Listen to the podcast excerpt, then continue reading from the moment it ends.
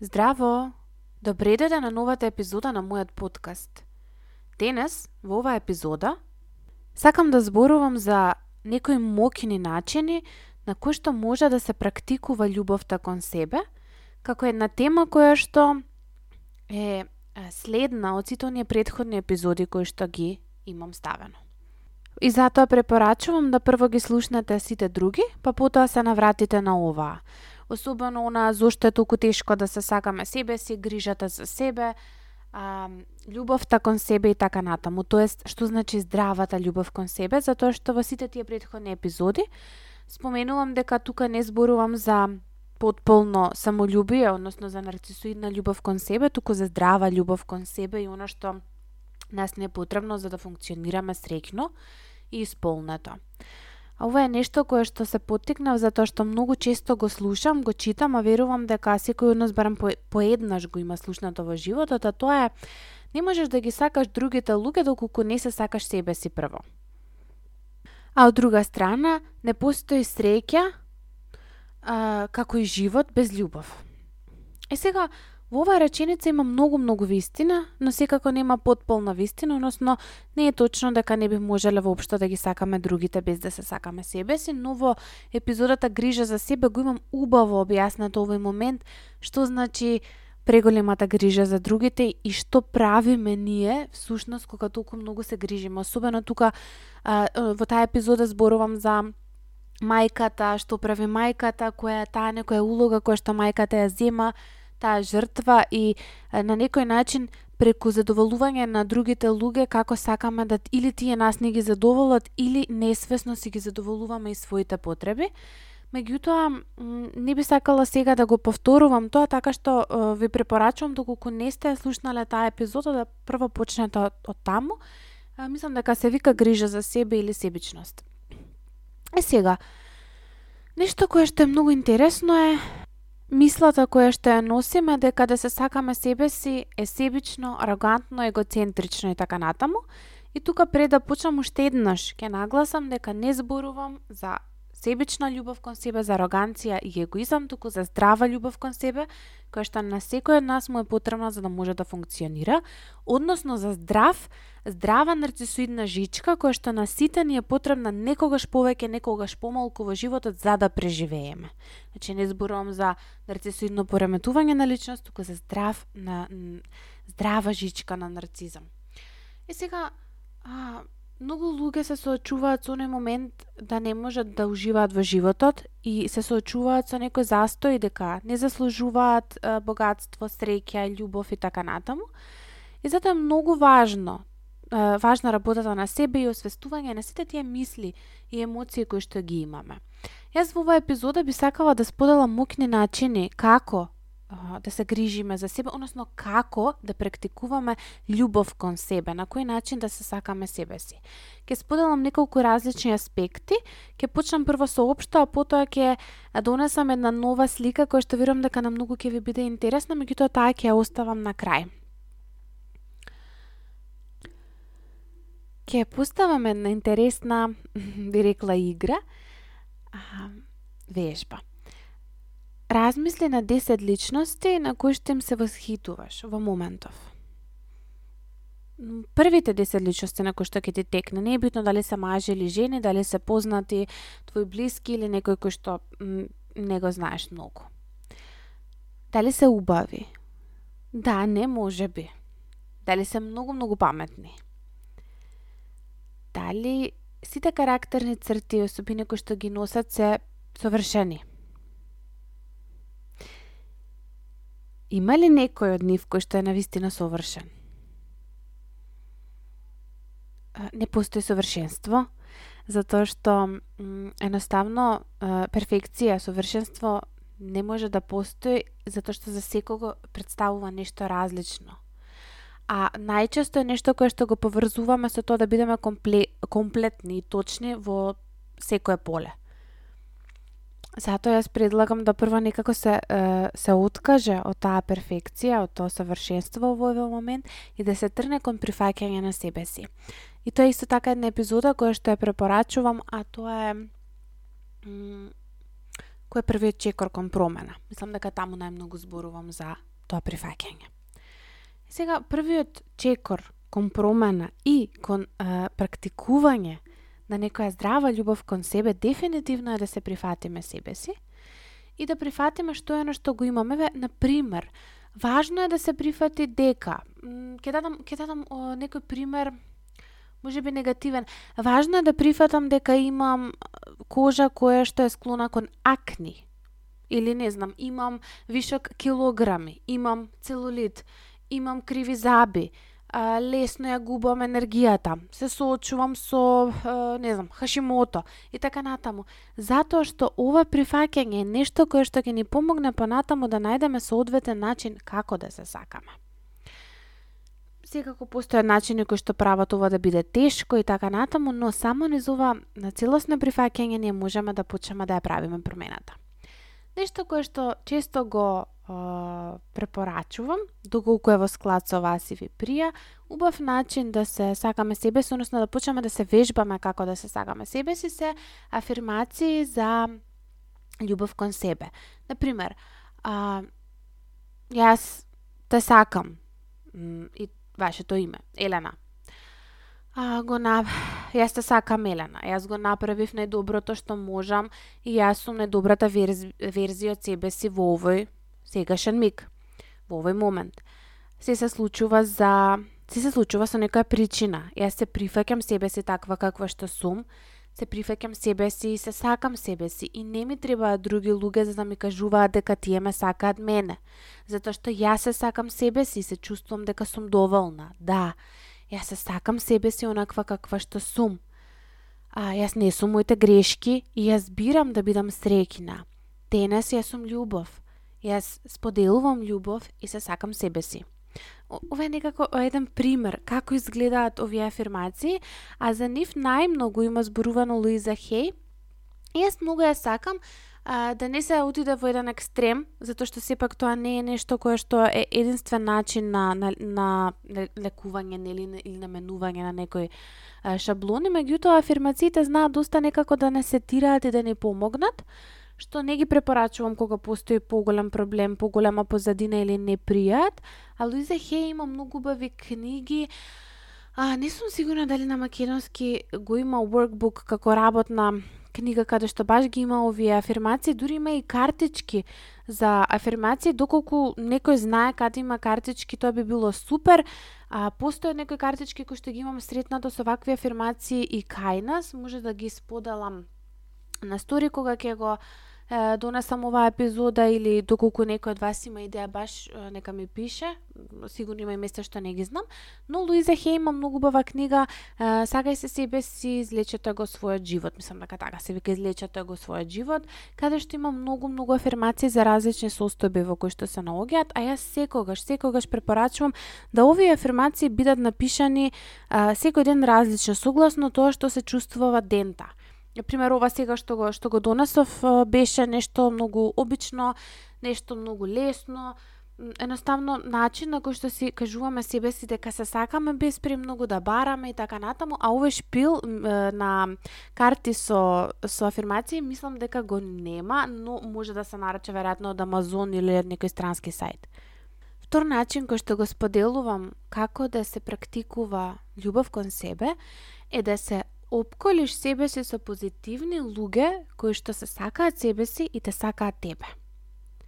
Ова е многу, многу, многу важно и понекогаш подобро е да сме сами и да не сме обкружени со никој, отколку да бидеме обкружени со личности кои што се негативни, И кога викам негативни, јас не мислам да има некаква психичка состојба, некаква голема непријатност во животот со која што се соочуваат, туку зборувам за оние личности кои што општо, севкупно, постојано во животот носат некаков е, голем песимизам и шират негативна енергија за вас во тој момент. Многу често зборувам дека ние не постојат токсични луѓе а, за сите. Постојат токсични луѓе за мене во овој момент тука и сега, како и јас сум токсична за нив во овој момент.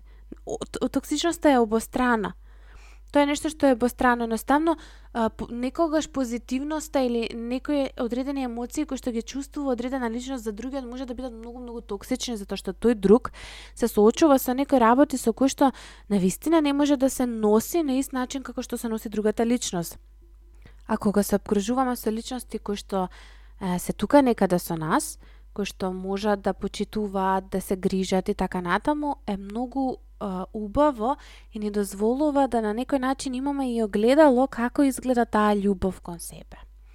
И сега, невозможно е да целото обкружување биде негативно, иако добро, возможно е, меѓутоа во ваков момент подобро е да бидеме а, сами и да се да се обкружиме со книги, со луѓе кои што не инспирираат, со филмови и така натаму, отколку да се обкружуваме со луѓе кои што на вистина не може да ни го дадат тоа во, во овој момент што нас не е потребно, па затоа сосема е во ред да одреден период во животот се, се посвети на читање на книги, блогови, да се слушаат мотивацијски видеа, да се слушаат подкасти, да се слушаат аудио книги или да се читаат, нели?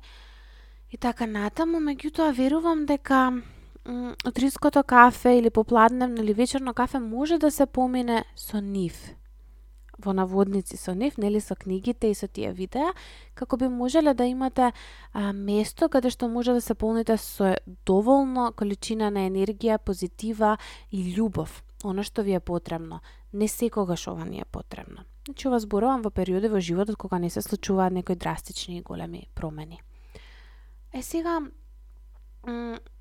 Исто така, да не се плашиме, тука би рекла, да напуштиме одредени луѓе. Има една многу убава, мудра мисла од Павло Коелјо, што секогаш ја кажувам, кога некој си заминува, тоа е затоа што некој друг треба да пристигне. Односно, кога кажуваме доведување, животот нас многу брзо ни кажува на ново здраво. И сега нешто друго кое што е многу значајно и може би е најзначајно од сето ова што ќе го споделам е дека најубавиот начин да се сакаме себе си е да научиме да кажеме не, односно да поставиме граници. А, луѓето со пониска самодоверба или луѓе кои што се така научени и растени и така натаму, имаат потешкотија да постават граници, а овој процес дефинитивно не е едноставен процес и баш поради тоа цел овој период подготвувам и посебен програм, односно курс за граници, каде што ќе секој ќе има начин кој што ќе учествува да баш научи да види многу многу аспекти од границите, што точно представуваат тие. Ова ќе биде еден голем курс. Доста и затоа сега само некако а, ова го го спомнувам затоа што сметам дека границите колку и видеа да снимам, колку и а, колку изборови да напишам, не се нешто кое што може да се објасни во малку. Многу се комплексни и секој носи некоја различна позадина, но постојат многу убави книги за поставување на граници и така натака, кои може би би ви биле од помош. Јас секогаш препорачувам едукација за границите, затоа што се најважни во животот. Вака или така, ние се што правиме, правиме низ тие граници. Секој контакт се случува низ границите.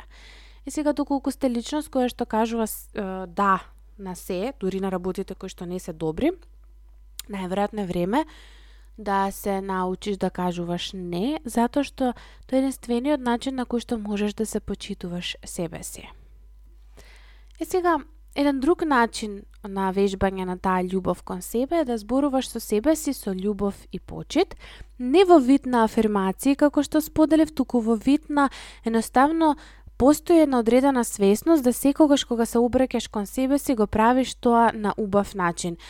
има луѓе кои што ова го вежбаат и го прават на огледало, за секого е различно, за некој е многу смешно да го прави тоа на огледало, пример мене многу ми било смешно и не искрено не би можела јас така да го правам на огледало, но за некој може би многу му одговара и е нешто кое што навистина му помага, му ја подигнува во моментот, моментално самодовербата, да едноставно си кажува на себе си зборови, љубезни зборови, кога некако се караме внатре во, во, во нашите мисли, да не биде тоа со негативен јазик, тука секогаш да биде свесно со позитивен јазик. И тоа е следниот момент на пишување на дневник, за кој што имам две епизоди а, снимено, во втората и третата епизода, слушнете ги, особено а, третата мокни начини на пишување на дневник, односно различни начини на тој дневник, многу убаво место да се види каков а, тој наш натрешен говор со самите себе си е преку а, одреден одреден период, подолг период на пишување на дневник. Кога ќе се сменат тие шаблони на негативен а, негативни зборови кон себе си, многу полесно и подобро може да се практикуваме таа љубов кон себе си, особено доколку сме растени во семејство каде што навреди, епитети многу често се кажувале. Има многу семејства каде што негативниот начин на зборување самите со себе и меѓу себе е нормален. И тоа тоа е скрос окей, мислам, тоа, то може да стане нормално и за некој на вистина да не представува проблем, но сепак зборовите имаат огромна моќ. Така што би рекла дека сепак колку и да сакаме да не влијаат, на некој начин влијаат ако ништо друго врз нашето расположение и сликата за себе, а и понатаму за нашите деца доколку сте родител. Многу може би очигледен начин на љубов кон себе е денови, односно не мора да се денови, може, може да е конкретен ден, меѓутоа секој сам тоа си одлучува кога, како ќе го ќе го прави, е да има да одреден а, одредено време кога ќе си се негувате самите себе си, односно кога ќе се негува и телото. И сега тоа може да биде ден кога ќе се релаксирате, ќе се опуштите. За некого може да биде да се седи пред телевизор, за некој може да биде, не знам, топла када, за некој може да биде јадење на номиленото јадење и така натаму.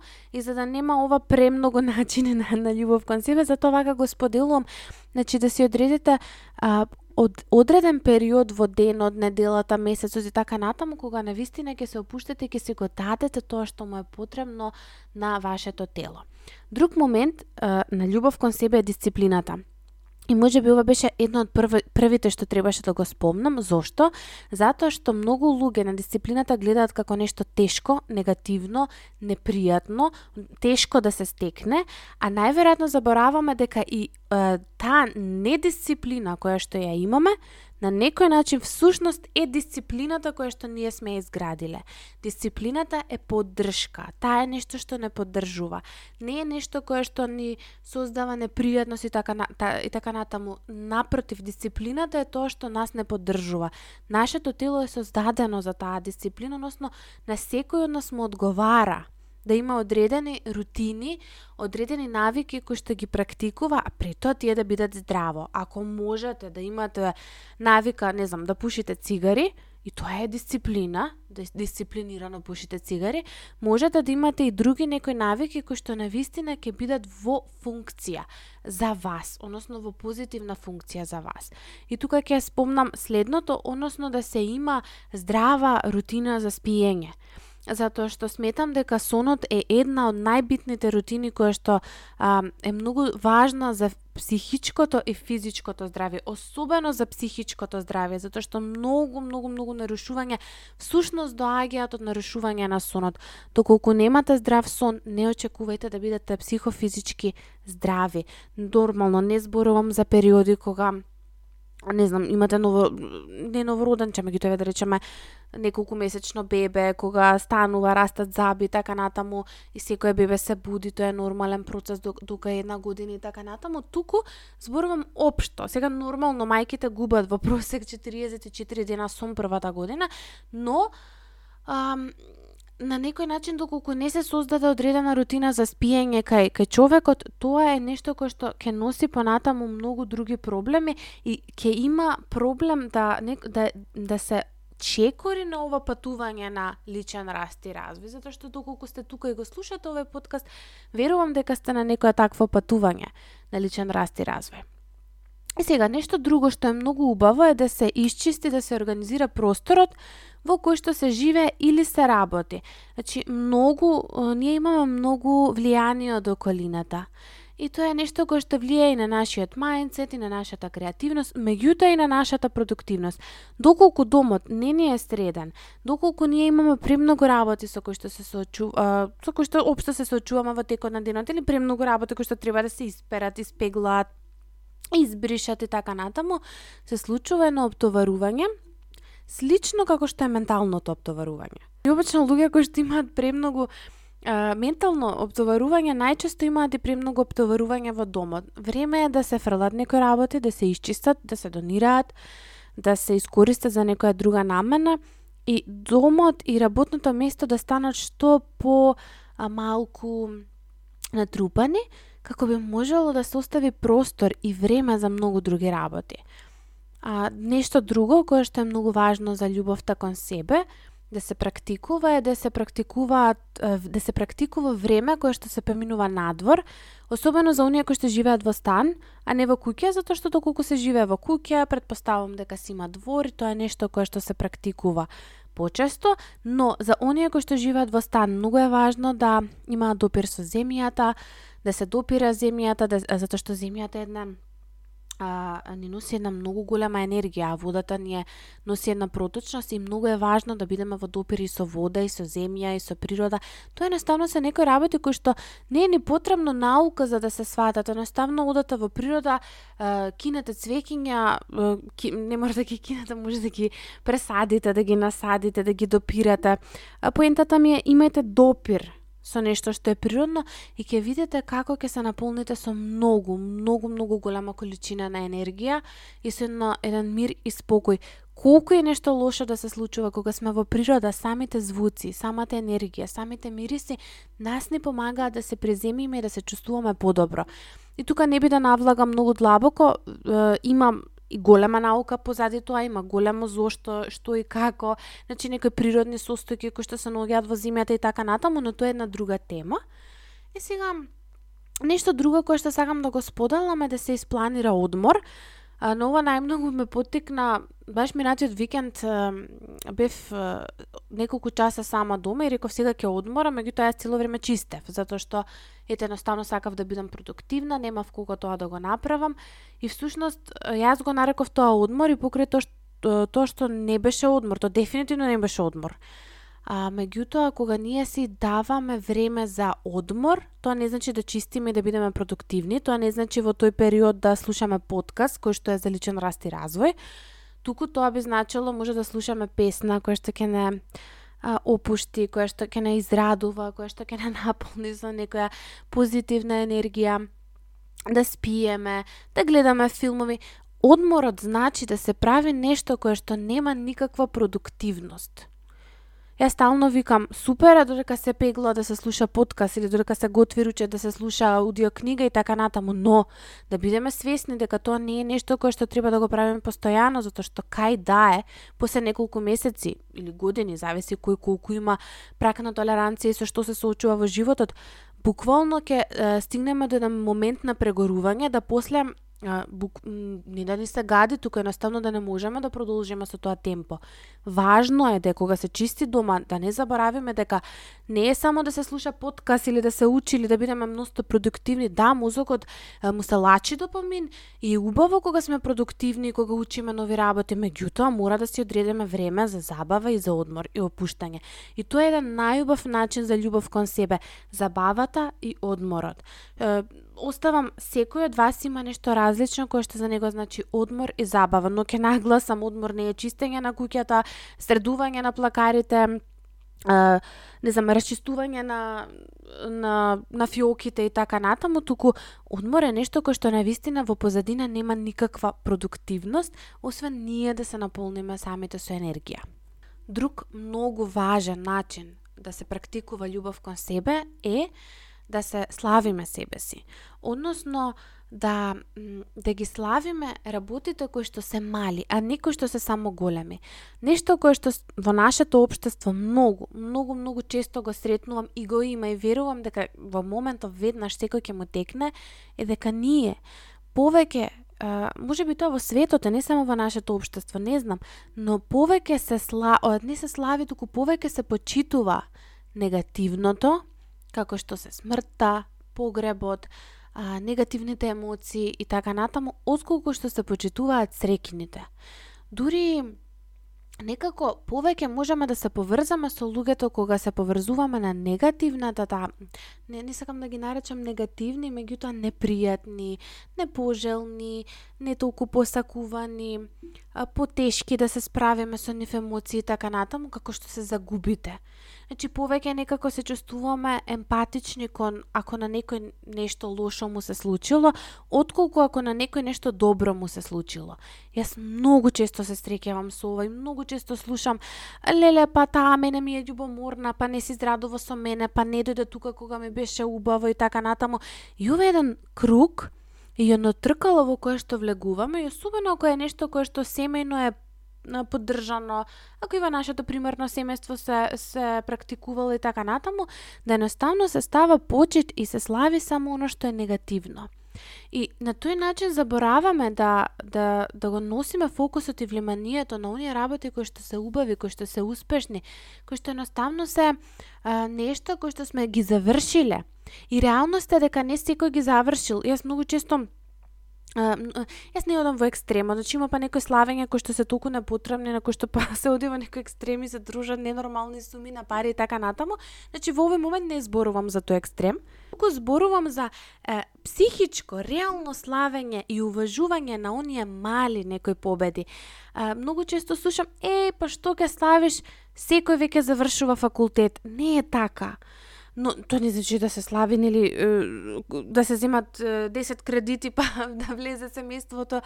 Значи, то, да, начинот на кој што славиме може да биде различен. Тука зборувам за на психичкото уважување, односно да се прослават и да се работите на начин на кој што и малите работи ќе се прославуваат. Еве да речеме да прославам снимање на нова подкаст епизода.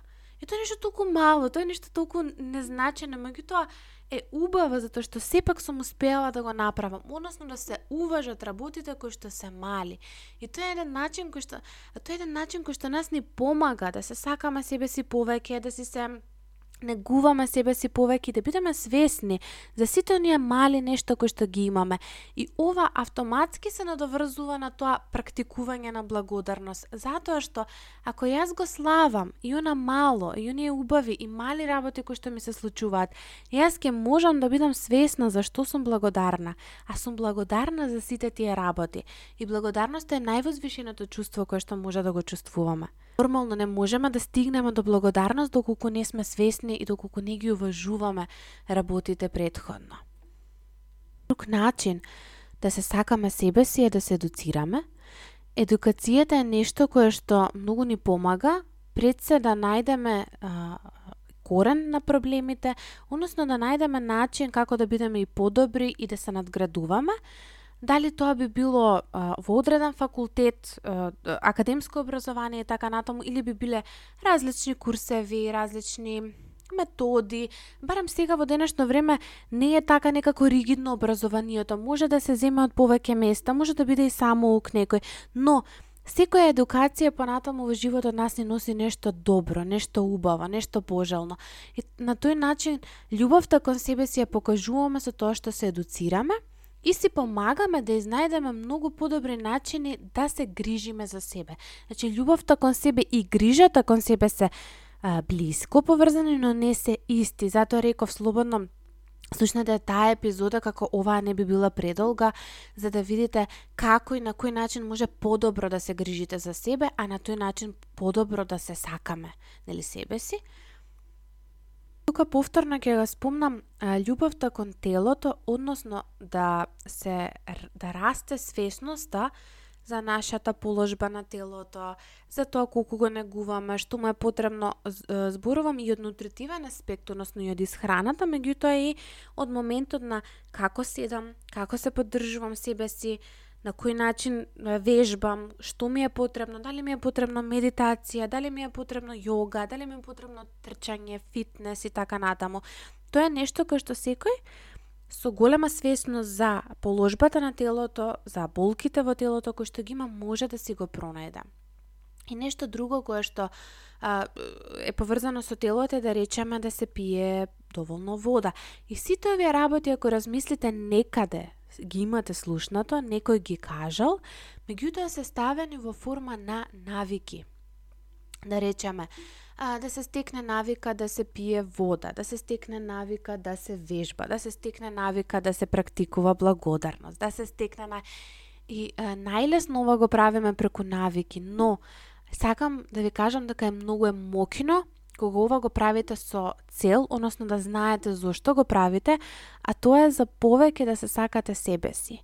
И на тој начин, кога ова почнуваме да го практикуваме, не може да се практикува на секоја поле, морам да нагласам дека не може еден човек во секој момент од животот да сите овие работи кои што ги спомнав му се подредени, да секаде да е совршен, да нема перфекција, така и почна некако оваа епизода дека перфекција не постои. Но ова се некои многу убави начини на кои што може да се освестуваме дури да се како еден едни шаблони, окей, каде ја забушавам, каде не сум доволно добра, каде заборавам да се сакам себе си и така натаму.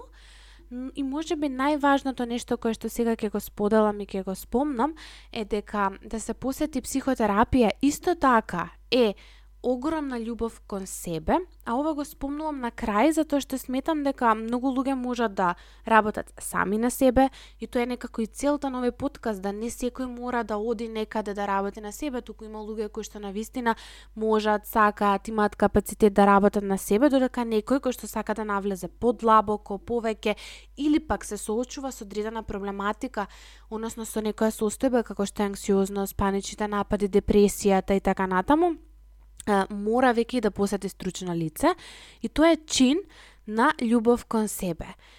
И јас би рекла живееме еднаш, секој сака да има што е можно поквалитетен живот и доколку не, се соочувате со неможност да се тргнат блокадите доколку едноставно ништо од ова не, не делува или постои некој огромен отпор за овие работи да се практикуваат, секогаш посетата психотерапија, како би можеле да видите што се случува, од каде доаѓа отпор, да се надмине тој отпор и да може да се живее тој живот, односно да се крене стандардот на животот како би можеле баш на буквално да добиете некаков бенефит од таа љубов кон себе. И сега а, ќе бидам кратка затоа што некако свесна сум дека оваа епизода доста е долга, а се трудам некако да не се многу долги за да може секој да ги слушне да не ви одземаат премногу време. Има една книга која што јас многу ја сакам, а таа се вика Петте јазици на љубовта. Мислам дека е, не мислам, него знам дека има превод на македонски јазик. А, јас имам читано на англиски и сега може би може би преводот нема баш добро да го да го донесам затоа што на англиски ја имам читано, не знам како е кај нас точно преведена. Најдете ја книгата доколку ја немате читано. Јас особено ја препорачувам на секој пар кој што се соочува со м, некоја проблематика да неможност да некако си ја покаже љубовта на партнерот или јас правам се за мојот партнер, тој тоа не го гледа и така натаму. Затоа што оваа книга ги носи петта различни јазици на љубовта и не само кон партнерот, да бидеме свесни ние самите кој е нашиот љубовен јазик и да видиме кој е љубовниот јазик на нашето дете доколку сте родител. Ке оставам лик во, линк во описот со бесплатен тест да видите кој е вашиот љубовен јазик, меѓутоа е на англиски.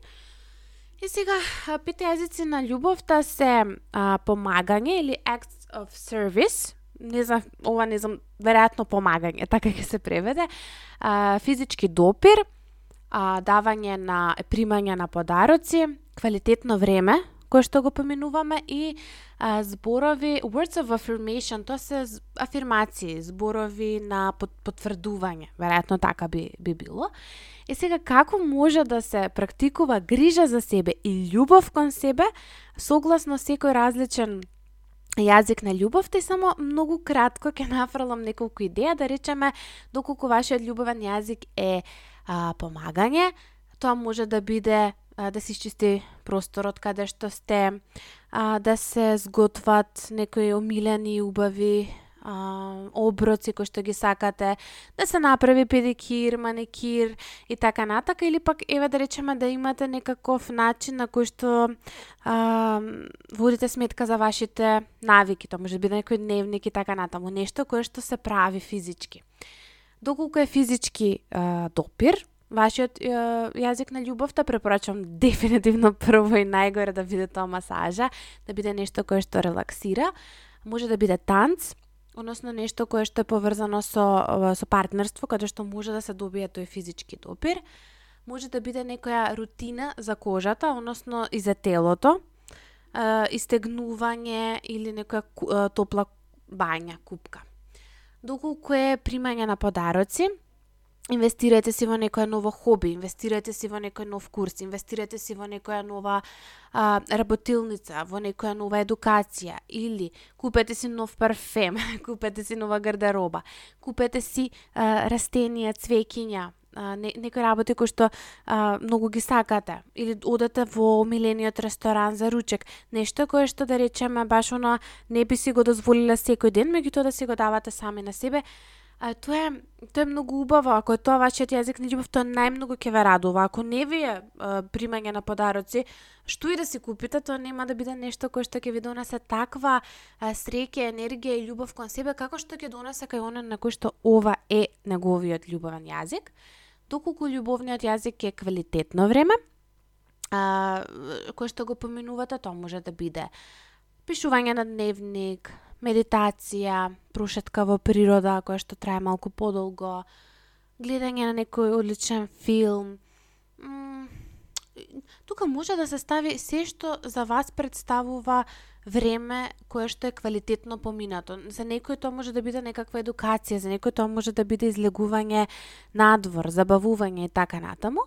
И последниот јазик на љубовта, зборови на афирмација, односно некои потврдни искази, може да биде онаа вежба која што е спомнав со афирмациите, пишување на листа на благодарност, давање на комплименти, може да биде предогледало доколку за некој тоа е окей. Okay а може да биде да се напишете самите на себе си некое љубовно писмо, некоја порака со убави зборови кои што ви исполнуваат. Има многу убави вежби, на пример да си пратите мејл со некои убави зборови или секоја недела или секој понеделник зависи ако имате тежок ден во неделата на пример еве да речеме понеделник статистички мислам дека е најтежок секој понеделник рано наутро во 7 часот да ви пристигнува мејл со некои убави пораки, некои мотивација и така натаму, кој што многу ќе ве расположува и ќе ве поддржува.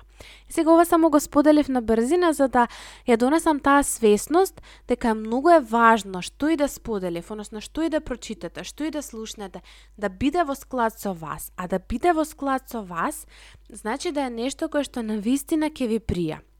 Што значи дека ако ви е физички допир а, вашиот јазик на љубовта, односно е нешто што е многу важно, а, масажа мора да има. Сега добро, не мора да е масажа, нели спомнав повеќе примери, меѓутоа тоа е нешто кое што едноставно би го ставиле на листата најгори и е доволно да се прави. Не мора многу други работи кои што се споделија да толку многу се практикуваат, колку што би се практикувало да речеме масажата, танцување, растегнување или некоја рутина за лицето, дневна, ноќна и така натаму, каде што го има тој физички допир. Меѓутоа, доколку јазикот на љубовта е примање на подароци, тогаш мора да има нешто каде што се трошат пари. Мислам, пари не, не мора да да секогаш подарокот во а, пари да е така материјално, може да биде скинат цвет, но мора да има нешто кое што се добива, нешто кое што го немаме туку така дома, туку е, е го примаме. И тоа е скроз во ред и да речеме, меѓутоа, доколку не вие примање на подароци јазикот на љубовта, а вие постојано одите на шопинг, не се случува ништо. Доколку не ви е овој јазик на љубовта, да вие си купите нов парфем, едноставно тоа нема да биде акт на љубов.